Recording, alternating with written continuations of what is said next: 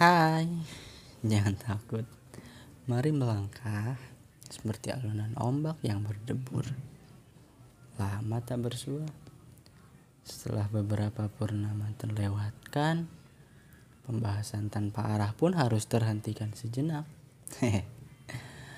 Ada sebuah pepatah mengatakan kita berjarak dahulu untuk bertemu selanjutnya.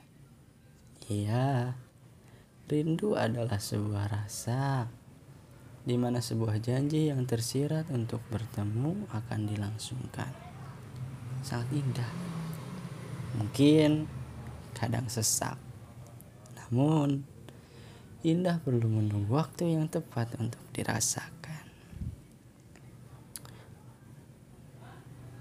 Sepertinya kita bagaikan sebuah seekor burung ya yang saling mengikuti ke mana pun arah pasangannya.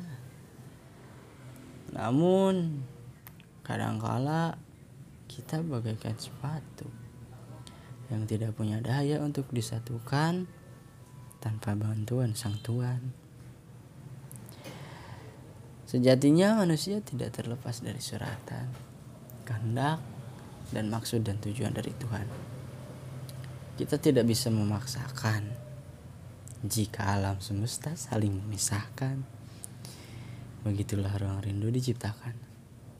Cinta itu rindu. Namun, sering kali rindu itu bukan dari sebuah cinta. Karena banyak kerinduan yang tak tersampaikan dengan berbagai alasan. Ya, berbicara rindu tentunya juga berbicara tentang jarak. Berhubungan dengan waktu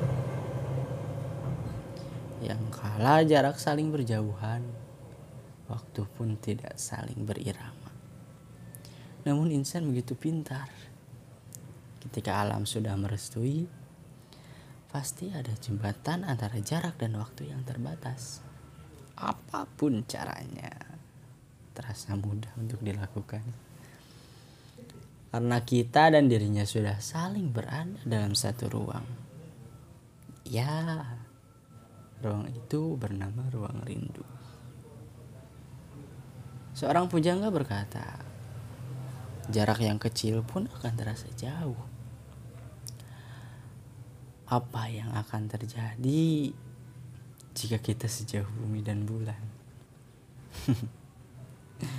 rindu meskipun sesak namun ada satu masa di mana rindu itu sangat sangat indah bagian bulan purnama yang memancarkan cahaya yang begitu terang. Kita akhiri saja. Ruang rindu itu indah. Yang menyakitkan adalah jarak dan waktunya saja. Ingat, jangan takut. Mari melangkah seperti alunan ombak yang berdebur. Sampai jumpa.